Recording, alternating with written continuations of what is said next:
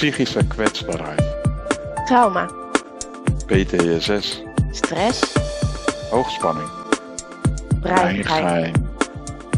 Wij zijn Frank en Hansje, vol breingeheim en wij vertellen hier graag over. Onze kennis en kunde uit het werkveld aangevuld met onze levensverhalen. We zorgen voor de juiste balans, waardoor we moeilijke onderwerpen bespreekbaar maken. We dagen elkaar uit net een stapje verder te gaan in groei. En nemen jou als luisteraar hier graag in mee.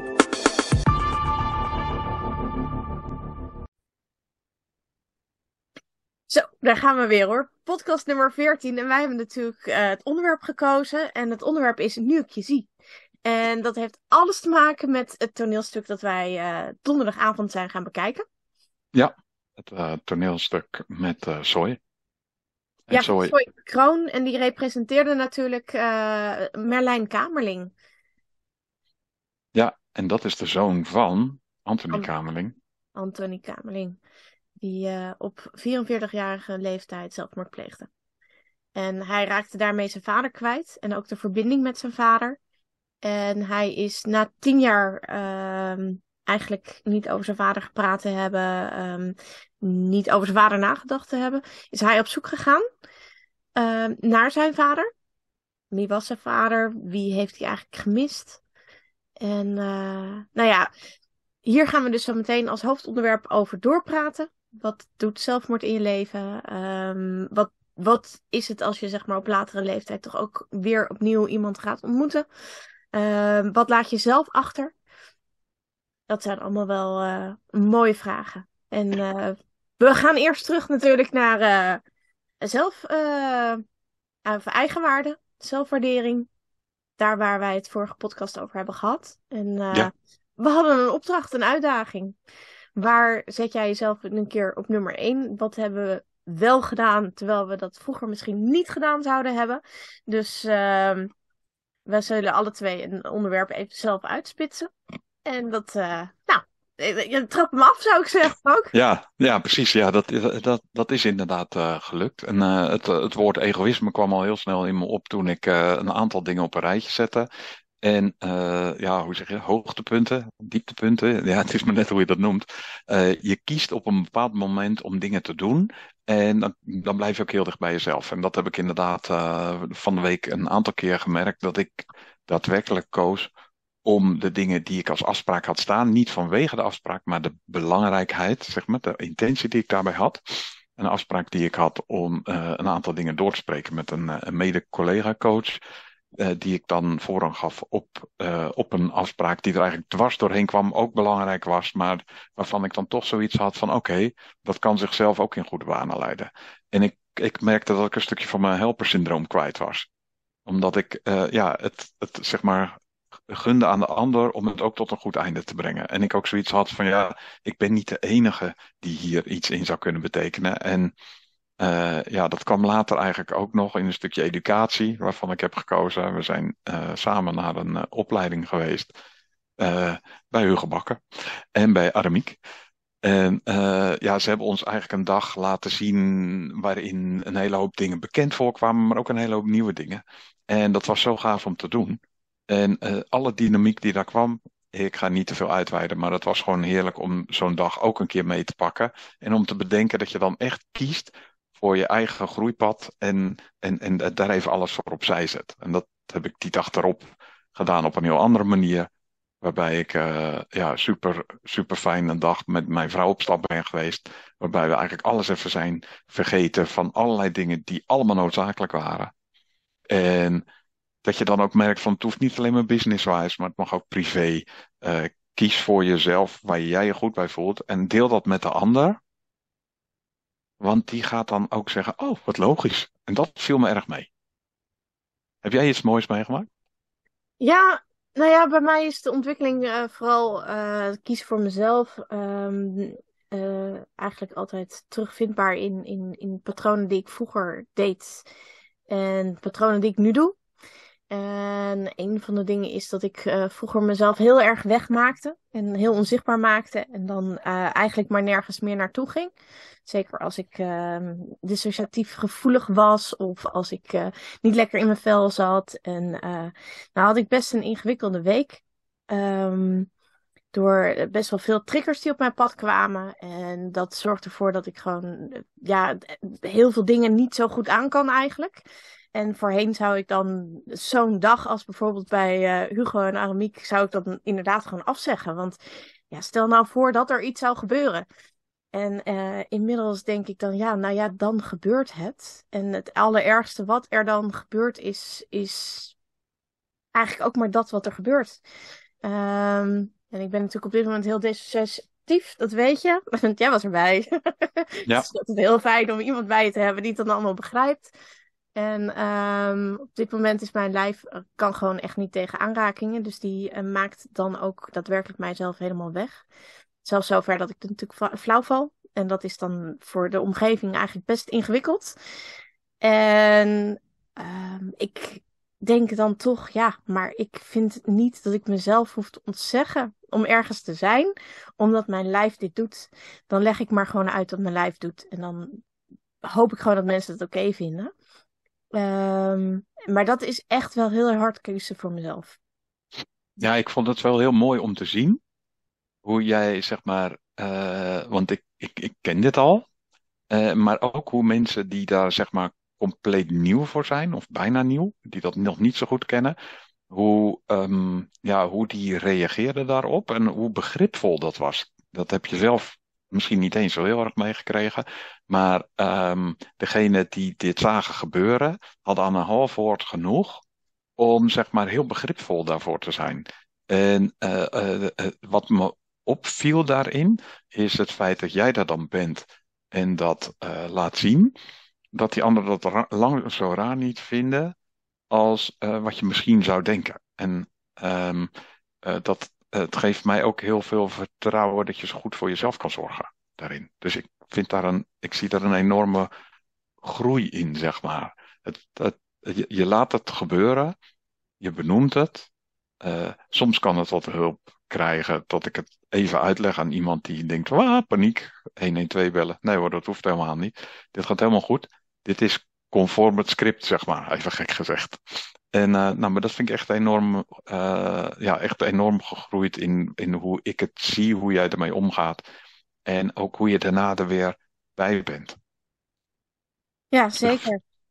En, we, we, uh, we, hebben een, we kennen een veerkracht-expert, maar volgens mij heb jij ook een stukje veerkracht in je, die is echt ongelooflijk.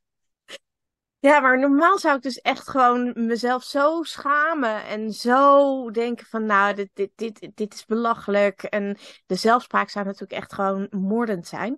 En uh, tegenwoordig is die eigenlijk een stuk milder. En dat ik dan denk, ja, weet je, ik, uh, het is wat het is. Uh, dat is een onderdeel van mij. En um, we zouden vooral, en dat is natuurlijk iets waar we elkaar ook in uitdagen, vooral onszelf brengen. Gewoon in ons meest authentieke vorm. En dan is dit een onderdeel van mijn e-, meest authentieke vorm.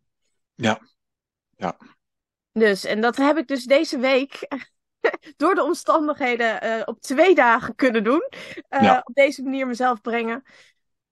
en dat, uh, ja, ik, ik, ik ben heel blij dat ik daarvoor dus nu geen dagen meer afzeg. En dat ik toch de uh, scholingen kan doen. Dat ik toch met mensen in gesprek kan zijn. Dat ik er toch ben. En dat, uh, ja, het is waanzinnig om die groei in ieder geval te merken in mezelf. En daar, daardoor groeit je eigenwaarde natuurlijk ook wel een heel stuk. Ja, ja, ja, dan mag dat toch gewoon zijn. Eigenlijk. Ja. Ook al zeg je hele systeem, nou, precies, dat. Juist. Doe maar niet. Nee. Ja, mooi. Dankjewel. Jij ook bedankt. Sorry, ik moest even kuchen. Ja, even um, opschonen. Ja, joh, dit, dit, soort onderwerpen. Ik weet niet of iemand anders daar ook last van heeft. Maar um, het doet wat met je systeem. Je, zeker als je erover begint te praten. Het is toch wel ik heb nog altijd heel veel moeite om door die keel heen te gaan en die dingen in de woorden te zeggen. Omdat het natuurlijk eigenlijk helemaal niet iets is wat normaal is voor je. Je praat normaal niet over dit soort dingen. Nee. Zo hebben wij dat wel eens in een podcast, hè? Ja, Dat we het hebben over dingen die, eh, waar je normaal niet over praat. En ja, dat is wel een waarschuwing die ik vooraf weer even wil geven. Want we, we, begonnen uh, lekker joviaal, nummertje 14. En uh, laten we het hebben over. Uh, er, kun, kunnen natuurlijk dingen bij je oppoppen. En als het gaat over zelfmoord, dan zijn dat hele heftige dingen. En zorg in ieder geval altijd dat je veilig bent. Wij zeggen het wel, maar ook elke keer weer. Dat je vooral zorgt dat je zelf veilig bent. En weet dat je met de gedachte soms eh, vaak niet alleen bent, dat het meer mensen overkomt. Maar zorg dat je mensen in je omgeving hebt uh, bij wie je veilig voelt en uh, waar je in ieder geval bij aanklopt. En mocht het zo zijn dat je nog meer hulp nodig hebt, raadpleeg die dan ook. Zeker. Ik een hele goede notering. Ja. Knoop het in je oren. Ja. Je bent verantwoordelijk voor jezelf. Ja. En uh, zorg ook dat je die verantwoording neemt. Word je eigen leider daarin. Ja, en ook vandaag gaan we dus weer schaamteloos eerlijk zijn over dingen waarvan we zelfs in de voorbespreking al zeiden: moeten we dit nu echt gaan doen? Is dit nu echt wat ik wil? Is dit nu waar we naartoe gaan? En uh, ja, jullie als luisteraars haken regelmatig bij ons aan en zeggen dan dat het allemaal zo geweldig is wat wij doen. En dan lijkt het zo vanzelfsprekend dat wij zeggen wat we zeggen. Geloof me, dat is niet zo. Nee, we hebben hier echt van tevoren hebben we echt, voordat we die knop indrukken, al, oh god, oh help. En Ja. soms duurt het een half uur voordat we die knop indrukken. Ja. Ehm, en als we dan die knop indrukken, dan nog geven we onszelf toestemming om iedere keer wanneer het echt mogelijk voor ons ook te moeilijk wordt, te zeggen in de podcast, eh, we gaan hier toch niet over praten. Ja, dat hebben we elkaar ook toegezegd. Dat uh, mocht het te heftig zijn, uh, dat, dat, dan, dat we dan ook gewoon dat stopzetten, zeg maar. En dat, ja, dat is eigenlijk het, het, het, het, toneelstuk wat we gezien hebben van Zooi. Eigenlijk ook heel markant in. Um, waarin je merkt dat Merlijn dus, zeg maar, ook een onderzoek heeft gedaan. Alles wat er in verband stond met dat met de zelfmoord van zijn vader. En dat het ook niet begrijpbaar is hoe dat altijd gaat. En dat je allerlei dingen kan tegenkomen die gewoon overweldigend kunnen zijn. En dat, Zeker. We gaan naar het hoofdonderwerp? Ja. Oké. Okay. Doe het maar. Het doet geen pijn. Doe het maar. Het doet geen pijn. Doe het maar. En zeg tegen jezelf dat het geen pijn doet. Ik hoor het hem nog zo zeggen. Dit zijn de woorden waar de voorstelling mee opende. En dit gaat over een stukje wat uh, Merlijn zich kan herinneren over zijn vader. En in het boek van zijn, uh, wat hij heeft geschreven staat het volgende. Voor de deur van ons huis hadden we een parkeerplaats die bezaaid lag met grind. En ik snapte niet hoe hij daar zonder schoenen overheen kon lopen. Daarom wilde hij me dat leren. Er stond erop dat ik ook zonder schoenen over het grind zou lopen. Dan zei ik, waarom zou je dat doen, papa? Dat doet hartstikke veel pijn. Maar dat ontkende hij. Het doet geen pijn, zei hij. Doe het maar gewoon en zeg tegen jezelf dat het geen pijn doet. Je zult het gevoel vanzelf waarderen.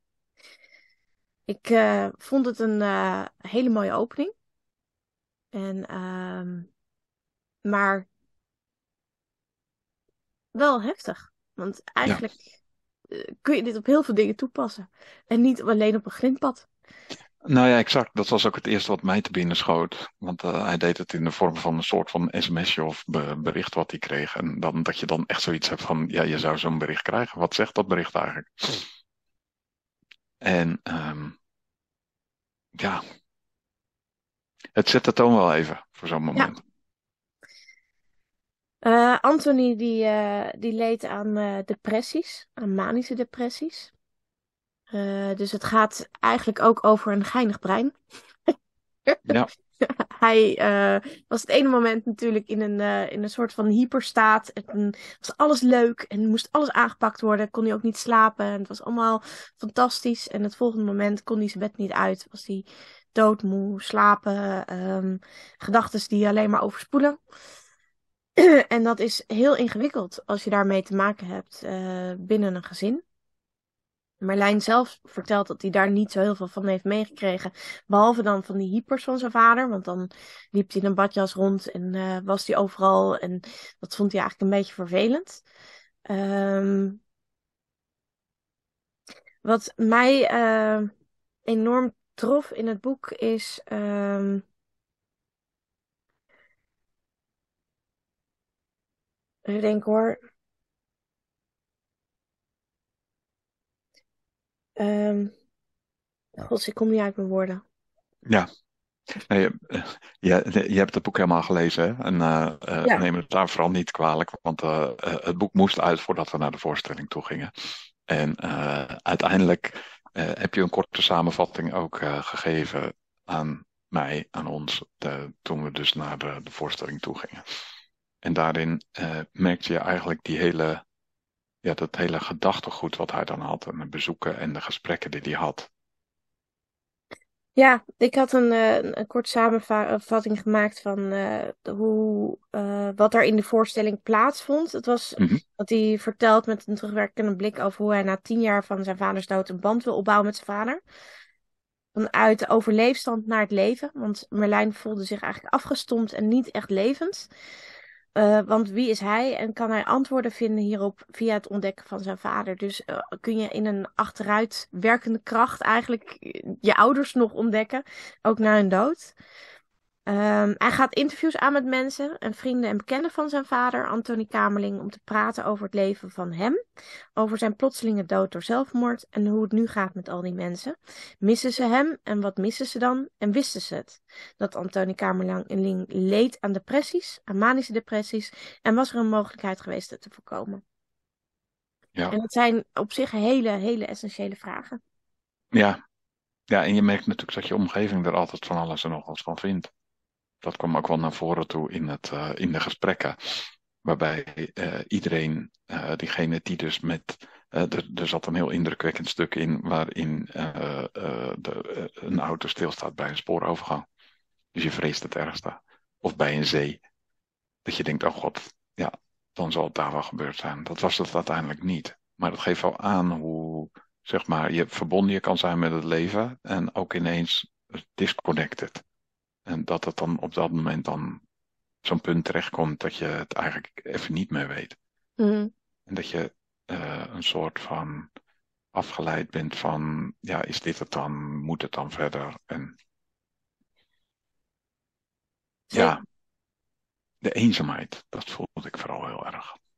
Ja. Marlijn is eh, het verhaal gaan schrijven en deze interviews gaan doen omdat hij in, eh, in de kroeg zat met een vriend van hem, waarvan zijn vader ook was overleden. En toen zei hij tegen hem eh, dat hij eigenlijk best jaloers was op hem. Omdat hij eigenlijk zijn vader alleen maar hoefde te googelen. En dan kon hij zijn stem horen, hij kon hem in beweging zien. Ehm, in het boek staat het, hij zegt dat hij wel eens jaloers is, omdat ik wanneer ik maar wil even naar mijn vader kan kijken en luisteren, zelfs tien jaar na zijn dood. Dat ik alleen maar zijn naam hoef in te typen. En dat ik nooit bang hoef te zijn dat ik me mijn vaders stem niet meer kan herinneren. En hij heeft dat tot op dat moment nooit gedaan, Merlijn. Die heeft nog nooit zijn vader gegoogeld. En dan gaat zijn vader dan googelen. En dan komen er allerlei dingen uit. En inderdaad hoort hij zijn stem voor het eerst. En hij ziet hem in bewegende beelden terug. Ehm, en dat is een beetje de legacy die je achterlaat. Ja. Eh, wij zitten in een tijd waarin eh, onze kinderen ons ook kunnen googelen op, eh, op internet. En wij staan daar ook. Ik bedoel, wij zijn een online, of, ik ben een online bedrijf aan het bouwen. Dus ja, weet je, dus je staat op LinkedIn en je staat op Facebook en je staat eh, in een artikel en je staat in een, eh, in een podcast. Ik bedoel, deze hele podcast is een soort van, ehm, dit laten we achter. ehm, dat kunnen we niet meer ongedaan maken. Ja, je kunt het van Spotify afhalen. Maar het materiaal is er. Het zal Ja. staan. Net zal staan. Ja. En ehm, dus onze kinderen hoeven ons niet te verliezen eigenlijk na onze dood. Hoe kijken wij daar tegenaan? Ja, ja, want dat zijn nogal uh, dingen die, uh, waarvan je denkt van, hoe ga ik die, die verbinding dat, wat is het nu wat, wat, ik, wat ik doe en wat maakt dat dat voor verschil? Dat is best Ja. wel, um, waar doe ik het eigenlijk allemaal voor? Mhm. En dat klinkt heel dramatisch. Uh, nou, voor sommigen, hè, voor de een is dat ook heel dramatisch en voor de ander is het een way of life. En het kan ook een moment zijn dat je zelfs denkt, ja, moet ik dan wel verder? En dat, uh, dat, dat heb ik zelf eigenlijk niet zo meegemaakt, maar wel op een, op een manier vaker over gehad, over waarop ik groot ben geworden. En uh, waarop. En we zijn weer terug. Ja, we zijn weer terug. We hadden een uh, lichte technische storing. Of het uh, was dat het systeem ons niet geheel terzijde stond of wat dan ook. We zijn weer terug. Um, we hebben het over dat ik je zie. En ja, eigenlijk had ik, hadden we dat in het voorstuk ook al even met elkaar besproken. Het, het niet zien van iets of iemand. Hè, dat, dat kan je dus zien als er, als er sprake is van iemand die die zeg maar een groot geheim heeft, zoals plannen voor zelfmoord. En het wordt niet echt gedeeld, of misschien ook wel. Er zijn natuurlijk ook andere vormen waarin je mensen niet kan zien. Ik, ik weet nou ja, wat Merlijn natuurlijk, hij heeft tien jaar lang zijn vader niet kunnen zien, omdat hij eigenlijk voelde dat hij vooral uh, moest leven voor zijn moeder, voor zijn zusje, voor zichzelf. En daardoor heeft hij eigenlijk tien jaar lang um, iemand die zo dicht bij hem lag, eigenlijk weggeduwd. Om vooral niet geconfronteerd te worden met gevoelens en emoties en noem maar op. Ja. En daarom is het natuurlijk zo ontzettend mooi dat de titel is Nu ik je zie, nu ik je toe mag laten, nu ik je echt mag zien.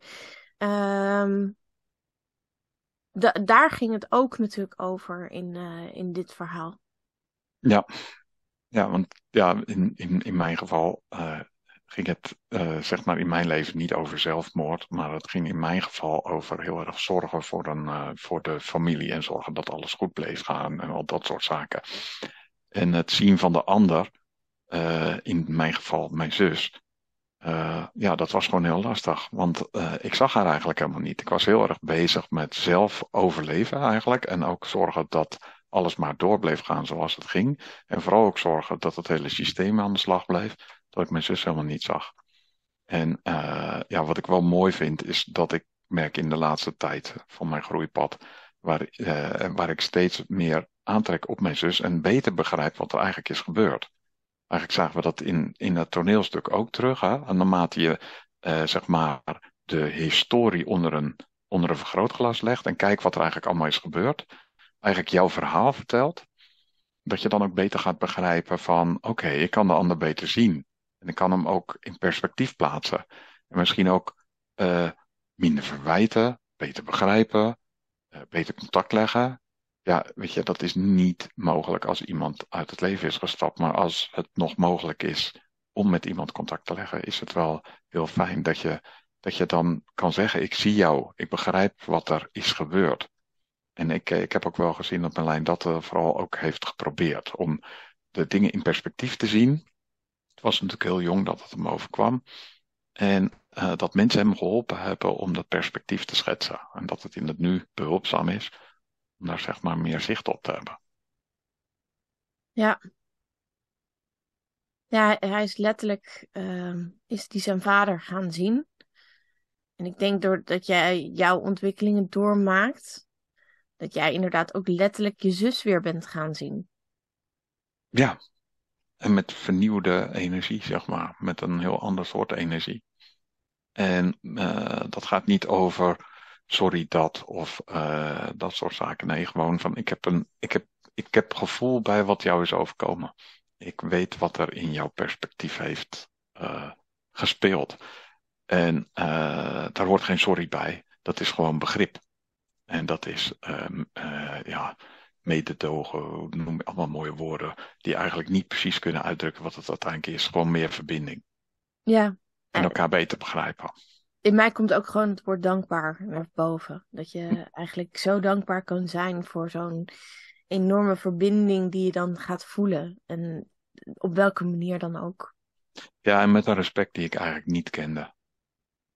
Ja. Ja, respect voor wie ik ben. En respect voor wie zij is. Nou ja, daar ben ik gewoon super dankbaar voor.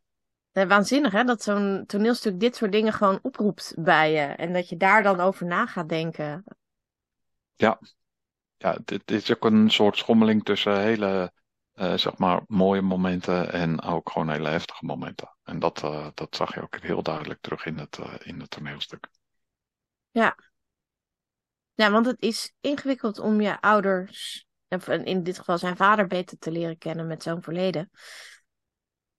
Ehm, en het is ingewikkeld om een leven te hebben waarin er heel veel ups en downs waren. En dat is natuurlijk waar wij natuurlijk ook regelmatig reflecteren. Dat in ons leven behoorlijk wat veel ups en downs zijn geweest. Ja, ja en dat, uh, dat ook niet altijd zichtbaar was voor de mensen om je heen. Uh, nee. nee. nee. En daardoor dus ook niet zoveel begrip voor jou. Jij je kon voelen. Sterker nog, soms snapt hij het zelf niet eens. Tenminste, dat, dat spreek ik even voor mezelf. Ik snapte het zelf niet eens. Ik zie pas nu wat me eigenlijk is overkomen. Ja, ja. En dat is dan wel weer, ik vind dat dan wel weer iets moois, omdat je dat dan wel weer door kunt geven aan de volgende generatie.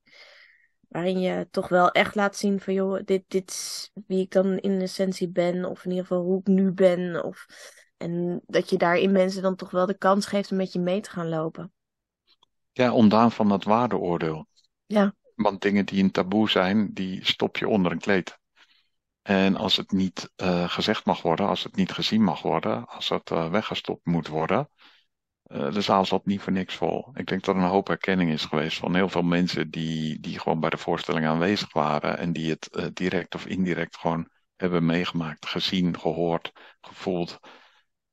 En die daar dan dus ja, ook iets komen halen als van, kijk, het kan dus wel. Kan er wel naar kijken, zonder dat je uh, eigenlijk met, de, met, met de wetenschap dat er gewoon meer mensen zijn die hiermee geconfronteerd zijn. Ja.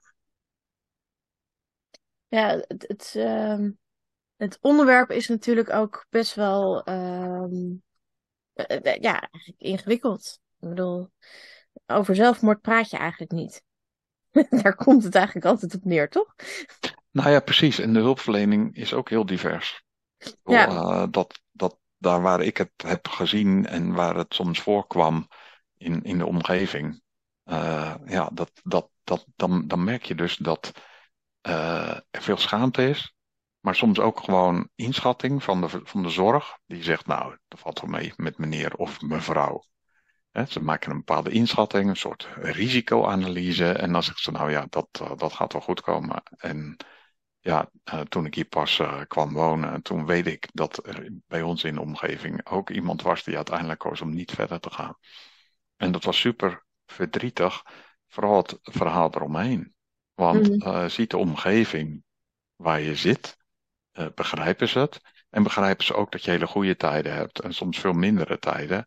En uh, wat is dan de inschatting? Het lijkt me ook super moeilijk om in de zorg die inschatting te maken. Om uh, te zeggen, jij kan er nog wel aan en jij niet. Ja, nou ik weet zeg maar één ding. En dat is als um, het wil dat het gebeurt, zeg maar de zelfmoord, dan gebeurt die. Maar dan, ja. dan, valt hij toch niet tegen te houden. Even gewoon uh, feitelijk. Um, ik had wat feiten over, opgezocht over zelfmoord. En dat is dat er elke dag uh, vijf mensen aan zelfmoord overlijden. Uh, de meeste zelfdodingen zijn rond middelbare leeftijd. 44, 40 tot 70 jaar. En nou was Antonie Kamerling 44. In 2021 waren het er 1861 mensen die zelfmoord hebben gepleegd. En het is eigenlijk ligt het regelmatig rond dit getal. Um, en dat tweemaal zoveel mannen als vrouwen overlijden in Nederland door zelfdoding. Ja, en mij schoot dan door gedachte, wat maakt dat dat mannen dat vaker hebben dan vrouwen? Ja, ik denk nog steeds dat mannen gewoon doeltreffender zijn. Die kiezen voor middelen die wel, zeg maar, ja, want het aantal pogingen is hier niet in opgenomen. En dat ligt echt een heel stuk hoger. Dat is echt. Uh... En, en ja, niet alle pogingen zijn uh, super effectief. Um, maar het, het feit dat het lijf zo'n poging wil doen, uh, wil natuurlijk wel heel veel zeggen over de staat waarin iets verkeert of iemand verkeert. Ja, ja en dat kan ik me, dat kan ik me wel voorstellen, ja. Ja. Als dat je wordt voorgespiegeld door je lijf, ja, wat is dan de keuze die je hebt? Ja, en vaak is dat dan de enige keuze die je hebt. Ja. Uh, sprekend uit ervaring. Uh, wat mij het meest trof in het boek, dat is het volgende stuk wat hij schreef. Wanneer ik per ongeluk wel aan hem denk, neem ik het hem kwalijk dat hij uit het leven is gestapt.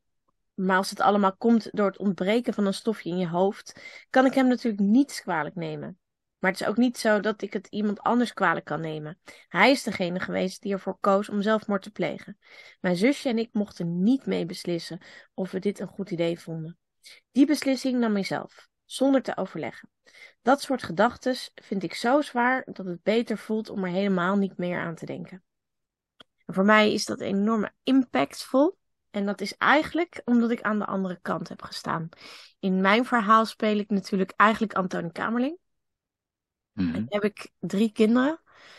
ehm, die ik, bij wijze van spreken, gewoon achter zou hebben gelaten. Ehm, en dat, dat is dan best wel heel impactvol om het op die manier te lezen. Ook omdat je het boek dus leest vanuit een kind dat een ouder verliest. Terwijl op het moment dat je eigenlijk in zo'n staat verkeert, waarin je hoofd jou vertelt dat de enige oplossing is om zelfmoord te plegen, ehm, dan denk je niet aan kinderen. Ja, in de zin van dat je een oplossing mm, bent voor het probleem. Dus de, de zelfmoord is de oplossing om niet, zeg maar, meer een, een schadelijk onderdeel te zijn van het leven van je kinderen. Dus het, het wordt, zeg maar, de andere kant Mhm. En hierin lees je dus eigenlijk dat dat dus niet zo wordt ontvangen. Mhm. En dan kan ik er nog achteraan denken, ja, maar dat is alleen in het geval van Antonie Kamerling. Want ik heb in dat opzicht best wel strenge criticussen die dus dan ook zeggen van ja, maar dit is niet jouw verhaal. Ehm, en mogelijkerwijs iedereen die dit dus nu ook luistert, eh, heeft daar ook zijn eigen gedachten over. Ehm, maar het is, het is impactvol. Ja, en wat, wat heeft jou nou geholpen, zeg maar, op dat moment dat je daar stond, dat je dacht van, oh, maar dit wil ik nog wel met de luisteraars delen? Is er iets waarvan je zegt, Het is hoe dan ook taboe hè, om hierover te praten. Mhm. als ouders zijnde eh, van kinderen, hoe dan ook maar gedachten te hebben over zelfmoord. mhm, Ik denk dat dat wel iets is. eh, Terwijl langzamerhand je eigenlijk wel hoort om je heen dat er genoeg mensen zijn die wel zo'n moment in hun leven hebben meegemaakt. Waarin ze dachten dat de oplossing de dood zou zijn in plaats van het leven. en hoor ik je dan zeggen, praat erover? Ik vind sowieso dat we erover moeten praten. We zijn niet Mhm. zeg maar, zo'n taboe ehm, eh, aanspreekpunt eh, geworden.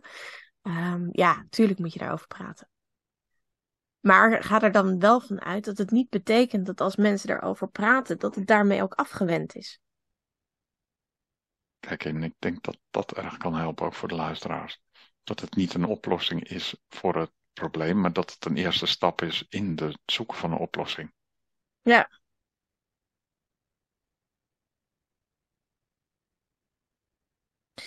Wat ik erover schreef is, ehm, als je als ouder denkt over het uit het leven stappen, wat voor impact het heeft op je kinderen.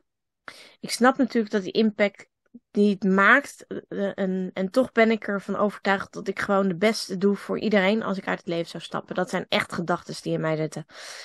Ik kan niet zeggen dat ik een stofje mis in mijn hoofd, want ik ben niet depressief. Voor mij is het een achterdeur. Als de pijn te groot wordt om te dragen, wil ik weg. Als ik me alleen maar een belasting voel voor anderen, dan wil ik weg. Als ik diep in mijn binnenste kijk, ben ik ervan overtuigd dat ik vergif ben. Iets dat ik altijd al met mij mee heb gedragen. En in die buien weet ik zeker dat het de juiste keuze is. Want wie wil er nou vergif in zijn leven? En dat, dit is de diepste kern die in mij leeft. En dat zorgt ervoor dat die, die gedachtes en dus de acties, zeg maar, aangewakkerd worden. En daar leef ik nog steeds mee. En dat is niet iets waar ik heel trots op ben. En zeker niet iets waar ik graag over praat. Ehm, en wat ook echt gewoon in die zin eigenlijk heel veel bij mij opwekt om het nu wel te zeggen. Ja, ik, ik vind het ook juist heel sterk dat je dat nu durft te zeggen. Omdat we hebben het wel eens over schaamteloos eerlijk. En dan kan je een aantal dingen verzinnen waarvan je denkt, ja, dat vertel ik liever niet. Want dit is wel een hele diepe essentie, zeg maar, die je nu blootlegt. Ja. En het feit dat je die durft te delen via de podcast met ja, de luisteraars die hier zelf ook over na kunnen denken. Misschien zelfs wel mee spelen met de gedachte dat het is dat je je herkent, mocht, mocht het iets zijn waarvan je echt denkt van wow, ja, dit is wel heel erg direct, dit is wel precies wat mij raakt. We zien het terug in de reacties van jullie. Um, zorg, zorg in ieder geval dat je erover spreekt. Mij overkomt hetzelfde. Je voelt de heftigheid van het onderwerp, de luchtigheid waarmee wij het kunnen bespreken, um, maar ook niet vanzelfsprekend. En Nee. ook niet omdat we denken, nou laten we het er gezellig eens even over hebben. Nee, Dat is het niet. nee, er zitten grote paniek eh, dingen achter. En toch, we maken het belangrijker om het te delen dan het voor ons te houden. Ja, dank voor je openheid daar in ieder geval in. Ja, maar dat zijn dus wel allemaal de triggermomenten die je natuurlijk eh, hebt als je naar zo'n toneelstuk kijkt. En eh, ik, ik moet wel zeggen dat ik natuurlijk heel veel geleerd heb van Merlijn in dit verhaal. Omdat je gewoon vanuit een andere kant gaat kijken. Ehm, en ik denk dat het heel goed is om heel veel kanten te belichten. Omdat je daarmee ook jezelf meer keuzemogelijkheid geeft. Ja, en dat is toch een beetje wat we nastreven. We hebben niet de waarheid in pacht. Nee, helemaal niet. We kunnen stukjes van wat wij hebben ervaren en kennen belichten. Dat is Ja. wat we doen. Zeker. En we gaan over het onderwerp, denk ik, zelfmoord nog wel eens een keer een podcast echt zelf doen. Waarin eh, ik misschien mogelijk dieper nog op de materie inga. Maar eh, voor nu is dit denk ik genoeg ontboezeming. Ja. Ehm, wij gaan eh, over naar het onderwerp van de volgende podcast. Ja. Zullen we de pot maar weer even bijpakken? Ja joh, doen.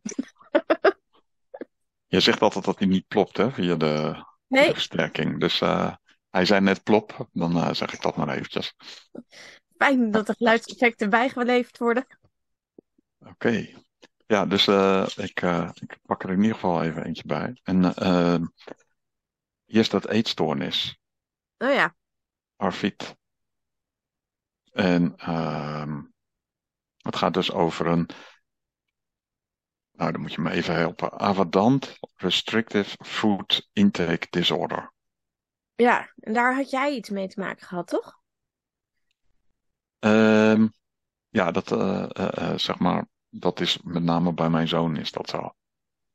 Die, Ja. die daar mee geboren is, dat die eh, zeg maar erg misselijk was, gewoon vanwege de bevalling. En Gaan we nou het hele onderwerp al Nee. Nee, toch? Laten we het vooral niet doen. Dit was, eh, hoe zeggen ze dat? Dit is de, de warmmaker, de, de cliffhanger. De, De cliffhanger. Oeh, Ja. spannend. Ja. De vraag is of wij eh, uiteindelijk de podcast hierover gaan doen. Gezien het feit dat wij eh, andere dingen ook op stapel hebben staan. En dat het misschien nog kan zijn dat we het onderwerp veranderen. Maar daar, daar heb je, dat heb je snel genoeg door. Ja. Dus, wat is de uitdaging die wij elkaar gaan geven deze week? Ja, ligt een beetje in het verlengde met wat we al hebben besproken. hè. En dat zit zo, eh, als je het hebt over legacy, nou, dan kan je aan Toon Hermans vragen wat de legacy is die hij heeft achtergelaten. Want nou ja, misschien dat wij iets te oud zijn om te weten wie Toon Hermans is. Maar in ieder geval, Nee hoor. dan, dan is het wel helder dat er iets is wat er nagelaten is. Maar wat laten wij eigenlijk na? Ja. Wat, eh, wat is datgene wat wij bewerkstelligen met een podcast, met wat we doen, eh, met de manier waarop we praten, de dingen die we overbrengen. En ehm, ja, eigenlijk wil ik de uitdaging neerleggen dat we zeg maar zelf ehm, iets vertellen over wat wij eh, toevoegen aan wie we zijn, manier van leven, of wat we zeggen, of wat we doen, en wat dat toevoegt. Wat is onze legacy? Mhm. Ja. Wil je het nog aanvullen? Of? Nee, ik denk dat dit heel compleet is. We gaan eh, vooral erin duiken over eh, ehm, ja, eh, Wat, wat laat je nou achter? En op welke manier ga je dat dan... Ja, op welke manier hou je daar dan actief mee bezig? Welke bezieling Ja. zit erachter? En als we het dan over Toon Hermans hebben, hè, is het Mhm. het mooiste wat ik me kan herinneren van hem. Je hebt iemand nodig, stil en oprecht, die als het op aankomt voor je bidt en voor je vecht. Pas als je iemand hebt die met je lacht en met je grient, dan pas kun je zeggen, ik heb een vriend. Tot de volgende podcast. Tot de volgende podcast.